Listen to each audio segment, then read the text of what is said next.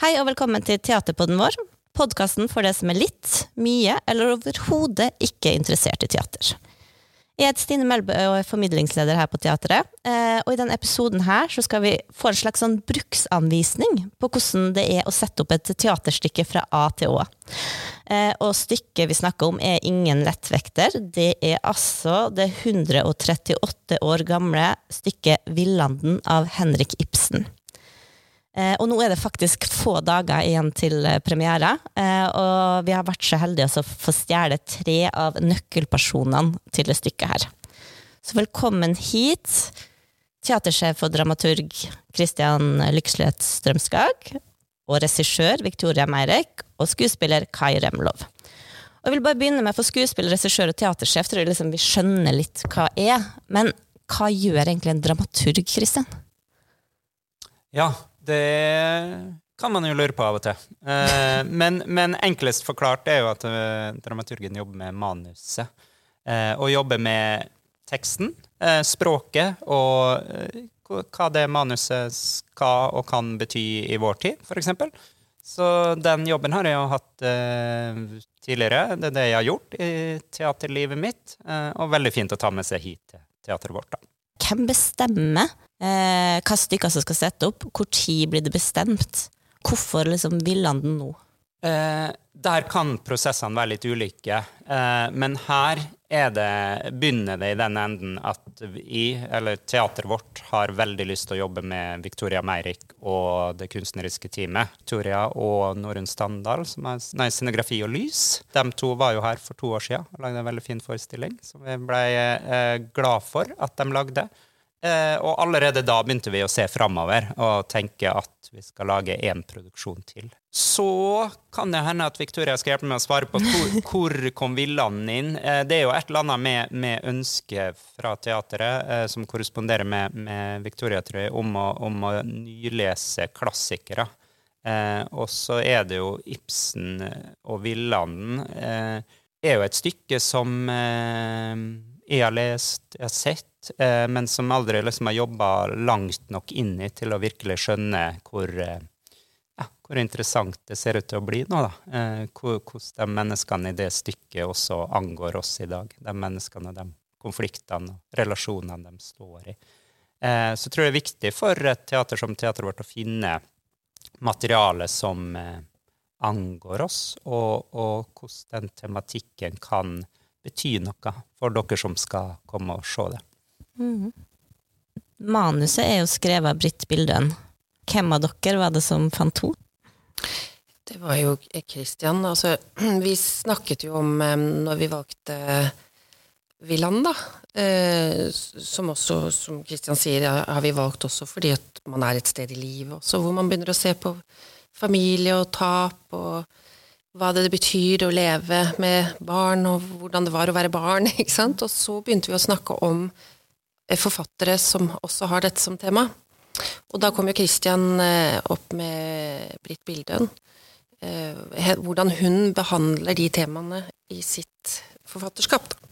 Og da eh, tok Christian en avgjørelse, da. og kontaktet og gikk i dialog, og så var vi, vi tre som bear, Altså, hun bearbeidet manuset, da, så hun skrev ikke manus, men hun bearbeidet språk. Ja. Mm.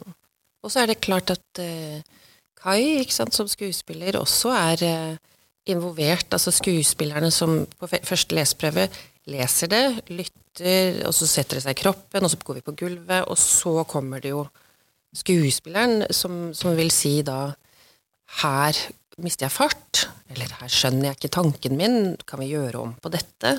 Så det er jo Jeg tror man av og til glemmer hvor viktig skuespillere er i, i språkdannelse på scenen. Mm. Ikke sant? Det, det, er så avgjørende. Uh, mm. Jeg kommer fra en generasjon med skuespillere. Jeg har vært skuespiller i 45 år på Nationaltheatret hele tiden. Og da jeg startet, så var det ikke vanlig at skuespillerne på en måte kreerte noe selvstendig. Var, de tok imot regi fra instruktørene. Gå dit, gjør sånn, se sånn ut, tenk sånn og sånn og sånn. Men i de senere generasjonene, som jeg heldigvis er en del av nå, ja. jeg har rukket å være med så lenge, så, så er vi medkreerende på en helt annen, eh, aktiv måte enn, enn i gamle dager. I dag forventes det en helt annen innsats fra oss enn det var da jeg begynte på 70-tallet. Gjør det det mer slitsomt å være skuespiller? Nei, tvert imot. Mer meningsfullt. Ja. Ja, absolutt. Og Det tenker jeg jo for teater òg, at det er mer meningsfullt når alle er med og bidrar inn i gruppearbeidet. Og så er det jo fantastisk å ha med Kai, for eksempel, når du både snakker om språk og tematikk. En ting er nå at du har spilt stykket eh, før, men, men Fem ganger. Fem ganger, ikke sant? Men det andre er jo den skuespillererfaringa, og, og for eksempel da med språk, det, det øret eh, han har for, for Ibsen. Eh, så, så Nei, det er ordentlig gruppearbeid, men det er klart at alle, alle ører inn, inn i jobben med språk eh, er, bidrar, eh, og er veldig viktig. Ja, for hvordan er det? Du har spilt fem ganger, Ja. og du har spilt tre forskjellige roller. ja. Jeg har spilt Hjalmar Rekdal to ganger, som jo er hovedrollen, som det i stor grad handler om, dette stykket her. Så har jeg spilt Relling, og så har jeg spilt gamle Rekdal, pappaen til eh, Hjalmar, to ganger. Og nå spiller du Grosserer Wærli, eller Ja. direktør Wærli, som vi sier i den siste bearbeidelsen av stykket. Hvordan er Hvordan er det da du kommer inn? Kan du alle replikkene fra før? Nei, sånn rent teksten med det, om jeg Ja. vet hva jeg skal si og sånt nå, nei. Det, men i og med at jeg har vært med fem ganger, da, så demrer det bak. Kan, da vi begynte arbeidet her, så kunne jeg teksten bedre enn han som spiller Hjalmar nå, Bjørnar. Men så slapp jeg det taket, selvfølgelig. Og, så nå jeg- men nå er jeg like stilt med de andre i forhold til å lære meg teksten gradvis mens vi jobber. Ja, men er det sånn at du kanskje savner en av de andre rollene? Når du står og Nei, tenker sånn «Åh, jeg, nei, jeg gjør ikke det. Jeg synes bare det er interessant å se hvordan de utformes på nytt av andre skuespillere. Det er morsomt å se på. Men er, sånn som vi snakka om at manus er bearbeida, er merker du stor forskjell på manus fra eksempel den første gangen du spilte i Villanden? Ja, det, altså, det, det, begynt, det Første gang jeg spilte i Villand på 80-tallet, så, 80-tallet, så var det i stor grad brukte vi den språkdrakten som Ibsen hadde, altså det gammeldagse språket. Mens de senere utgavene har, har vært bearbeidet, så er nå er det jo veldig moderne og Ja. Up to date i vår tid, hvordan vi snakker. For det er litt ja, Til det, kanskje, Victoria. Hvor mye Ibsen har dere bevart i stykket? Jeg tenker jo ikke at jeg gjør Ibsen Altså, Ibsen har jo skrevet Villanden. Eh, og det er jo forfatterskapet hans, tematikken, eh, og hans eh, fokus på barnet. Barnet som, som mister fotfestet. Det sårbare barnet som ikke forstår verden. Eh, som jeg er blitt interessert i. Så jeg prøver liksom å gå litt inn Eller det som gir gjenklang i meg i dag, eh, er jo eh, det i forfatterskapet hans. Så jeg, man, jeg prøver jo når vi går inn i det, at jeg ikke går rundt og sier 'nå gjør jeg Ibsen', 'nå gjør vi Ibsen', dere. Det, fordi at det er mer en referanse eh, til form, til, eh, til hvor teksten kommer fra. Eh, selvfølgelig tanken til, til Ibsen, men vi skal jo lage en forestilling som handler om foreldre og barn som mister kontakt, som taper kontakt med hverandre, som ikke klarer å være familie lenger fordi at penger blir så stor del av hvordan de kommuniserer. Og det gir jo gjenklang i meg og skuespillerne, så man, man begynner å fokusere på hva er det vi skal fortelle. Og så går vi tilbake til å, hva er det Ibsen har tenkt, hvordan kan vi bruke formen, hvordan kan vi bruke tankegangen. Så jeg prøver mer å tenke at vi, vi gjør Villanden, stykket Villanden, eh, mer enn at jeg tenker vi gjør Ibsen. Selvfølgelig så er det jo, det er jo det en nydelig realitet. Det er jeg veldig glad for. Men med Ibsen så kommer det jo også fortolkning av fortolkninger av fortolkninger. ikke sant? Et Kai som Kai forteller Måten man forteller en historie på, blir også en del av historien. Det kjenner vi jo alle rundt kaffebordet med bestemor og bestefar. ikke sant? Så forteller de en versjon, og så kommer onkelen og forteller en annen. Og så kommer da naboen og forteller en annen.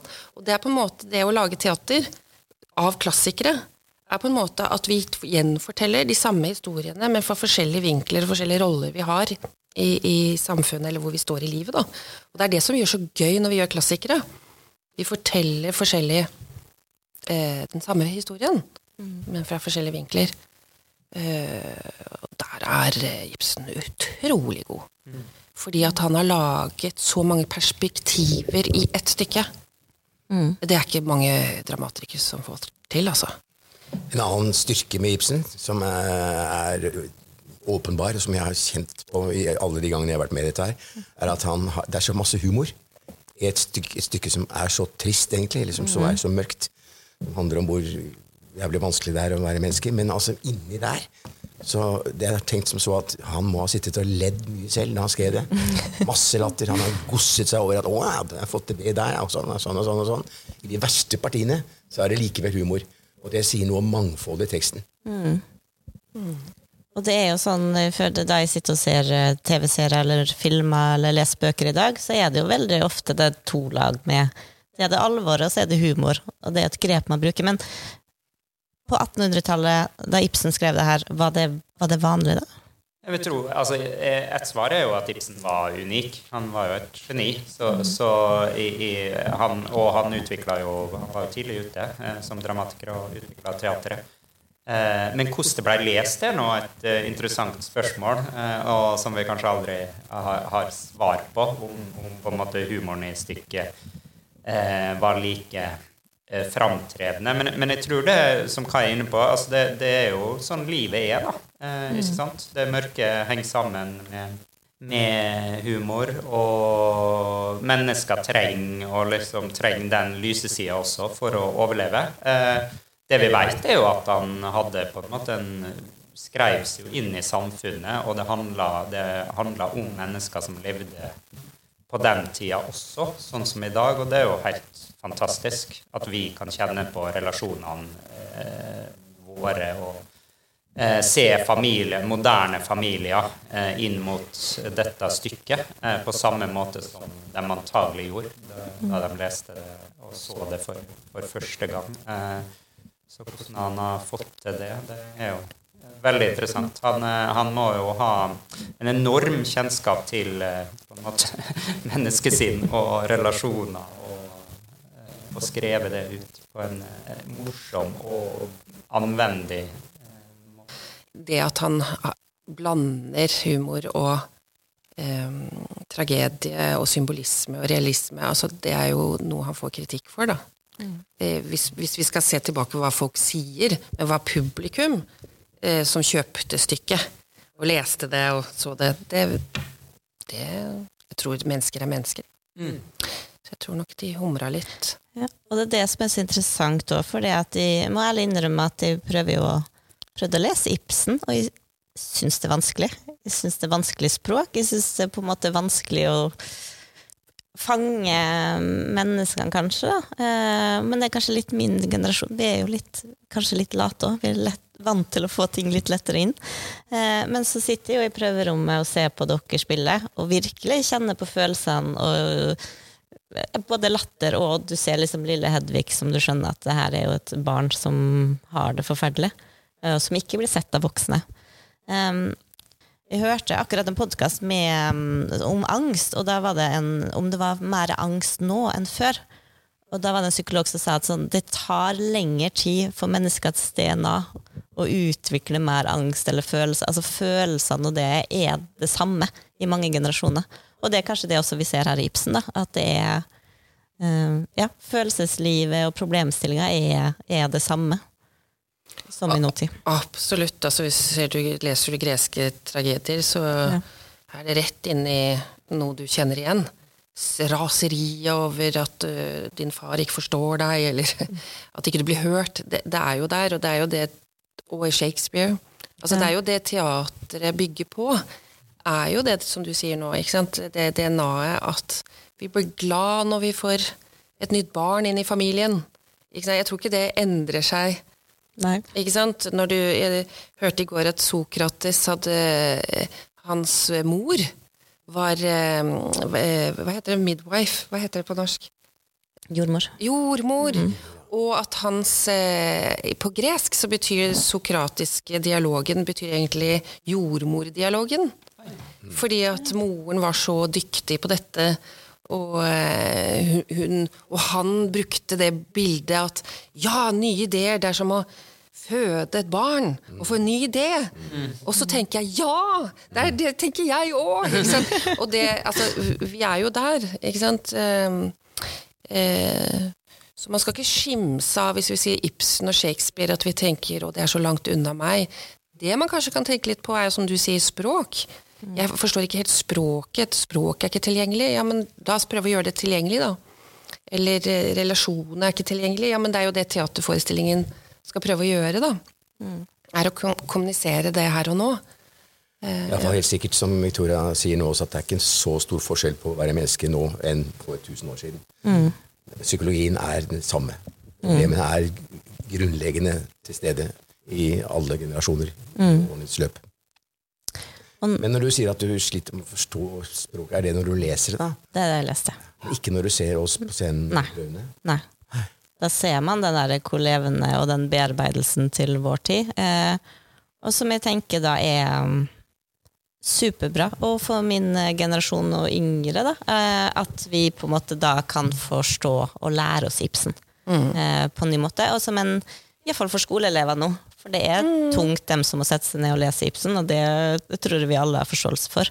Og da er det liksom unikt at det er noen som har bearbeida det, og som setter opp, og som viser på en måte essensen i hva Ibsen gjør. Men det som jeg tenker altså all, Måten Ibsen skriver på, altså hvordan han lager et stykke, det har ungdommer sett om igjen og om igjen. Mm. Netflix og HBO. De bruker akkurat de bruker Ibsen-modellen. Det er det som er litt gøy. Mm. Altså hele det thriller-elementet som ofte blir brukt i dag. Ikke sant? Man sier å, det er en thriller det er Ibsen. Altså, for han, han, fant jo dette her at Hvordan skjedde det? Vi går tilbake. For nå er det jo veldig få dager igjen til, eh, til premiere. Hva skal dere gjøre på jobben i dag, kan jeg kanskje spørre om? Hva er, det, hva er det som står igjen nå for at ting skal sitte? Ja, altså Teatret er jo en prosess, altså vi, vi skal holde oss i bevegelse, som det heter. Altså men ehm, jeg Nå sitter eh, Daniel Herskedal og venter på meg fordi at han eh, skal plassere musikken sin eh, sammen med oss, som er Det skal på plass. Og så skal vi gå igjennom fjerde og femte akt. Å gå igjennom betyr at vi spiller fjerde og femte akt, og så setter vi oss ned sammen etterpå. Og så sier vi Hva var det? Var det bra? Nå må vi gjøre sånn og sånn. Og så på, i kveld skal vi gå gjennom alle, altså hele stykket. Og da setter vi oss ned etterpå og så sier vi at vi må jobbe mer med starten, vi må jobbe mer med slutten. Men når jeg sier bevegelse, så mener jeg at det er viktig at et teaterstykke eh, blir til sammen når vi møter publikum. Så når, nå kommer jo publikum og skal se på for at vi skal kunne lande den forestillingen. Mm. For den skal jo kommunisere. Jeg prøver bare å si at det er ikke sånn at vi lager ferdig et produkt sånn papp, og nå er den ferdig, vær så god. Og så kjører vi. Det er at vi hver dag så, så nærmer vi oss mer og mer, og så når publikum, prøvepublikum kommer inn, så begynner vi å virkelig begynne å lande den forestillingen i den formen vi ønsker at den skal være. Mm. Vi er nå inne, altså da Ni dager før premiere så er vi inne i en vanskelig fase, syns jeg, sånn i forhold til å skape rollen min, men også skape samspillet med de andre på scenen. Det er masse motbakker og frustrasjon når jeg går hjem og er kjempemisfornøyd med meg selv. Og tenker at hvorfor i all verden? Det, det, sånne tanker har jeg nå fortsatt etter 45 år. Da tenker jeg, Får jeg sånne depresjoner eller sånne motbakker. Men de motbakkene i seg selv, det kan være vanskelig å forstå kanskje, er, på, er konstruktive. Mm. Det er bra at de er der. Det er nødvendig at de er der. Mm. Noen ganger har jeg gjort roller som jeg ikke har hatt noe vanskeligheter med å forstå eller utføre, så har det ikke blitt noe interessant. Da blir det landskapet overfladisk, men hvis man får noe å slite med og jobbe med og måtte kjempe seg gjennom, så kan det ofte bli veldig bra. Og der er vi nå. Alle sammen holder på der. Og vi har da, som Victoria sier, noen få dager igjen, så kommer det publikum. Og de, det publikummet er også med på å sluttføre det kunstneriske arbeidet for oss. Ja, for da, det, da merker dere responsen, hvor responsen kommer, og hva? Eller, ja, det er ikke eh? så mye, jo, det også, men det er mer det at da, da er vi så konsentrert på å få dette stoffet projisert ut til publikum. Mm. Så da skjer det av seg selv. Ja. En del av prosessen at vi blir bedre ved å kjenne på at publikum sitter og ser på oss. Ja. Teater er jo og, altså det er jo kommunikasjon. Vi vil jo fortelle fortellinga til noen, og da er det jo, når man da får den mottakeren på plass, eh, så, så, vil det jo kunne tydeliggjøres hva, eh, hvilken retning Eh, skal, skal replikkene Hvordan dynamikk trenger de, eh, de situasjonene? Mm. Eh, fordi at man, selv om man ikke får så mye respons nødvendigvis sånn direkte, så er det lyttende det det er 100 lyttende mennesker i den salen som, som dette skal fortelles til. På samme måte som man er i en samtale uh, utafor teater også. Eh, man er avhengig av å, å Skjønte de det? Hørte de det? Eh, hvor er vi igjen i forhold til eh, den dialogen vi ønsker? Og det der kan jo variere, akkurat som gode middager med venner. Eh, at du kan ha over tid. At en kveld er mye mer dynamisk og hyggeligere enn en annen kveld. Det er de samme folka. Eller kanskje eller to nye gjester. Men det der varierer. Det er hyggelig, det er god mat. Det er det hver gang. Men dynamikken, altså stemningen, er litt forskjellig. Og det er det vi erfarer. Ikke sant? Og vi ønsker jo at stemningen er på topp på premieren, selvfølgelig. Ikke sant? At alt klaffer. Men det er det vi begynner å jobbe med når publikum kommer. er At vi har sånn At vi får til den gode stemningen på forskjellige måter. Eh, ja. Og, og beste, de beste prosjektene, eller beste, men, men forestillinger som fungerer godt, er jo nettopp når publikum kjenner at de er med sjøl. Eh, og, og skal jeg si, eh, dikte eller på en måte forstå da, eh, i rommet sammen med skuespillere. At man ikke setter seg langt tilbake i stolen og bare liksom tar imot, men at man aktivt dikter inn seg sjøl, sine relasjoner og ser. Og for min del, når jeg kommer ned i prøverommet, så er jo alle rollene, alle menneskene i dette stykket her, eh, angår mitt liv eh, og mm. mine relasjoner. og, og mine, mine erfaringer. Eh, så da man jo, kommer man jo ganske langt fram i setet og ønsker disse menneskene både godt og vondt, skulle jeg til å si. Mm. Eh, fordi, fordi, det er så eh, ordentlige mennesker som man både blir glad i og frustrert av og provosert over. Og det er en av mine favorittting med teater, for eksempel versus å gå på kino, er jo at jeg føler at det er mer rom for at de kan få tolke hva jeg ser sjøl. Uh, at det ofte at hvis jeg ser en, et, et, en, går på kino, så føler jeg at kameravinkelen og regissøren er der enda mer til å vise akkurat hvor jeg skal se, og hva jeg skal tenke. Um, selvfølgelig med modifikasjoner av det her, også, men, men, i et teater så vet jeg liksom at de kommer der, og det jeg ser, og det jeg fokuserer på, og det jeg får ut av det, det er rett. Det er ingen som liksom kan fortelle meg at å gå i teater, så skal du føle du skal følge med på det. Mm. Og så tenker jeg i tillegg bare kjapt at du og ditt liv og den dagen du har levd mm. før du ser dette, spiller jo også inn i forhold til fortolkninga. Mm. Hvor er man i livet, og hvor er man akkurat den dagen, har jo veldig mye å si i forhold til hvordan man eh, opplever det. Hvilke referanser i ditt eget liv kommer, kommer til kommer tydeliggjort ikke sant? ut fra hva du ser. Derfor kan en forestilling oppleves veldig forskjellig av et publikum. Noen mener at dette var ikke noe bra i det hele tatt, mens andre syns det var strålende. Mm. Og det har ofte med hva du selv har som ballast i deg, inni deg selv. Mm. Gjelder det også for uh, i arbeidet, Kar? Ja, det gjør det. Det gjør det. I arbeidet med rollene så gjelder det i stor grad. Jeg bruker rått av min egen erfaring som denne gamle direktøren. Egentlig nå, vil man forstå når man ser forestillingen, er skyld i all den driten som dette stykket utvikler seg til å fortelle om. Ja. Det begynner med hans grep for mange mange år tilbake og frem til nå hvor han er et ødelagt gammel mann, men levedyktig likevel. Mm. Så jeg bruker av dette når jeg skal skape den rollen. Mm. Mm. Og har du da, da du har spilt liksom den samme rollen, kan du føle at du har spilt den annerledes fordi at du har spilt samme rolle? Jeg har ikke spilt den samme rollen før. Nei, ikke nå, men uh, Hjalmar har du ja. vel spilt to ganger. Ja. Uh, har du følt at du har spilt det annerledes fordi at du har vært i forskjellige situasjoner i livet? Hvis jeg ser retrospektivt på det tilbake, så, nok, så er nok det tilfellet. Jeg har ikke tenkt på det på den måten. Nei. Men det er nok sannsynlig. Absolutt. Mm. At jeg ville gjort Hjalmar annerledes hvis jeg skulle gjort ham i dag enn for 30 år siden. Mm. Eller hva det var. Altså Bergman satte jo opp eh, noe av de samme stykkene om igjen og om igjen, for han knakk aldri koden. Eller så ville han se på det fra forskjellige perspektiver. Ja. Så det, det, er jo ikke uvant at man i teatret gjentar roller fra mm. forskjellige perspektiver. Da. Men det er litt gøy det du sa med at du føler en frihet. For det stykket her er det jo en karakter, Gregers, som mener at man skal se ting ut fra én vinkel. Mm. Og da blir det bra. Altså, ikke sant? At det er én sannhet, det er én måte å tolke noe på. Eh, det er én måte å leve et godt liv på. Det er én måte å ha et godt ekteskap på. Som selvfølgelig er drevet, som han ikke ser selv, da, tror jeg, drevet av hans personlige ståsted akkurat nå. Mm. Hvordan han har det. Så det, det er ikke alle som tenker at eh, blikket skal være helt fritt. Mm. Ja, og det er jo noe man får se mer hvis man går og ser det stykket. Mm. Eh, og man får også se at andre karakterer har andre perspektiv på den. Eh, og det er jo også noe da man kan gjøre seg mening sjøl. Ja, og det er, stykket dreier seg jo om hva, hvordan er det man eh, definerer sannheten? Hva er det man, man mener skal være gyldig når man skal definere virkeligheten? Eh, og der har de forskjellige perspektiver. Men det som jeg syns er interessant, er at i det så glemmer de bort fremtiden og barnet. Mm. Og det er, eh, for å bruke Ibsens ord, en gjenganger.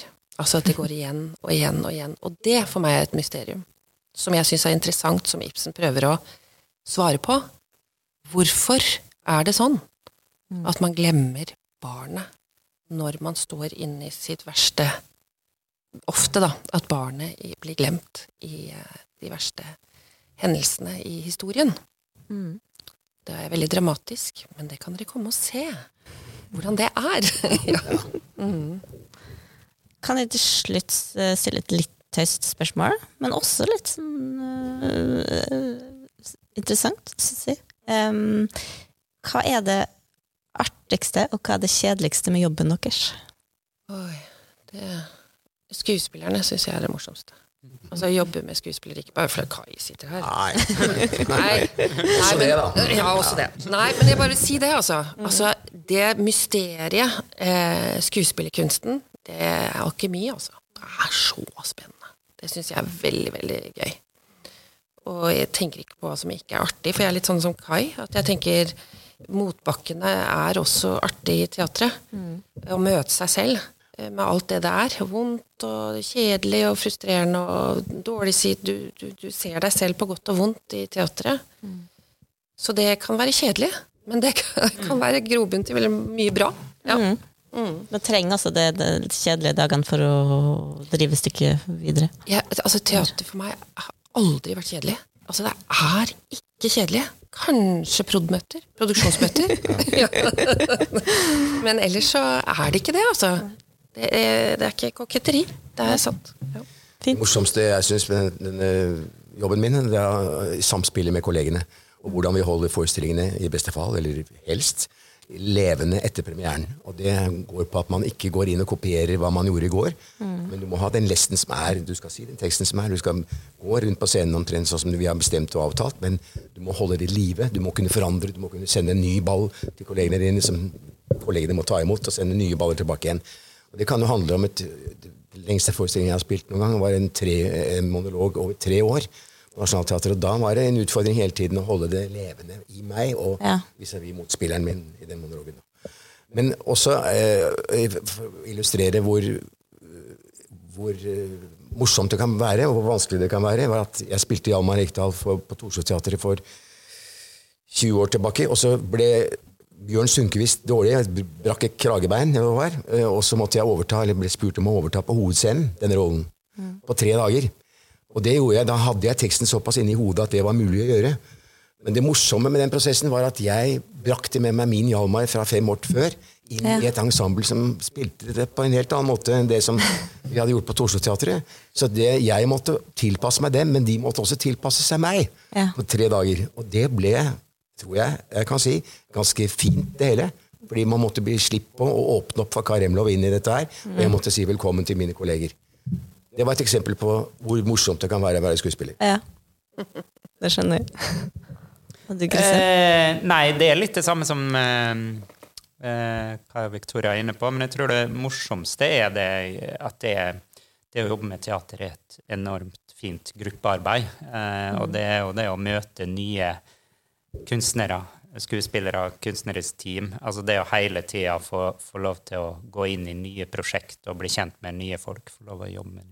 Nei, men Den kjedelige sida er jo også den, altså motbakkene. Men, men eh, kjedelig eller ikke kjedelig, men, men, men den derre eh, Det harde arbeidet da, eh, som ligger bak å lage en forestilling. Eh, det er ikke nødvendigvis kjedelig, men det er hardt arbeid. Mm. Fra Kais side, fra Victorias side, fra alle rundt denne forestillinga. Eh, man går ikke bare på å leke og tulle og tøyse. Det er, det er mye godt arbeid som ligger bak, bak, Og det håper jeg virkelig at vi ser når vi, når vi skal se forestillinga, at, uh, at det er liksom investert i dette prosjektet. Ja. og det er jo fantastisk når man har med en ni skuespillere og, og et regissør og scenograf som investerer så mye av sitt liv og sin erfaring og sin kunnskap og faglige kompetanse, eh, da kan det jo oppstå Da blir resultatet også veldig bra.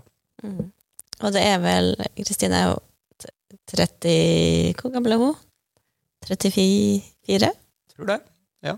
Tidlig i 30-åra. Og du, Kai, er 76? 76, ja. Så det er jo et stort spenn i alder og teatererfaring og I ensemblet vårt, ja. ja. ja da. Men vi forstår hverandre. Det går bra. Kommuniserer. Så gøy. Og det er også jeg tenkte på du altså, å fortsatt spille teater i en uh, alder av 76 år, ja. der de fleste har pensjonert seg for lengst, er jo super uh, All ære til deg. jo, takk. Jo. Men jeg har valgt det selv, selvfølgelig. Jeg gikk av fra Nationaltheatret da jeg var 70, for seks år tilbake. Så tenkte jeg at nei, her, jeg har ikke noe hobby, jeg har ikke noe ski jeg må smøre hver dag. og sånt. Så jeg, jeg, tenkte at nei, jeg må fortsette med det jeg kan, og det jeg har lyst til. Og det har jeg gjort siden da, fortsatt. Og så får vi se hvordan det er fremover nå. Jeg har ikke bestemt meg for noe spesielt, men jeg føler meg veldig glad for å fortsatt spille teater. Ja. Og det er jo en styrke for teatret at det er folk oppi i 70-åra som fortsatt spiller.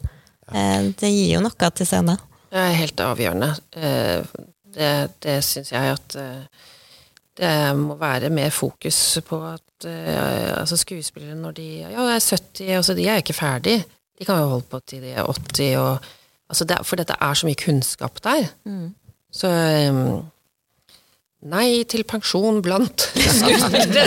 det er jo fantastisk at det er en arbeidsplass der, liksom, der du har det aldersspennet. da. Eh, og, og, man ja. jobber sammen på like mm. premisser med ja. sin erfaring og, og faglighet. Mm. Eh, da får man jo også et spenn i, i perspektiv og erfaring og blikk på, på, denne tematikken. Samtidig som når man står på scenen, så er, er det ja, det betyr ikke alder så mye. Da jobber mm. man eh, direkte med, med, hverandre.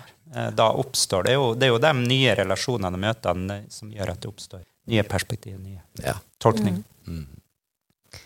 Men da tror jeg jeg sier tusen, tusen takk for at uh, dere uh, har vært med her. Og vi gleder oss veldig mye til premiere.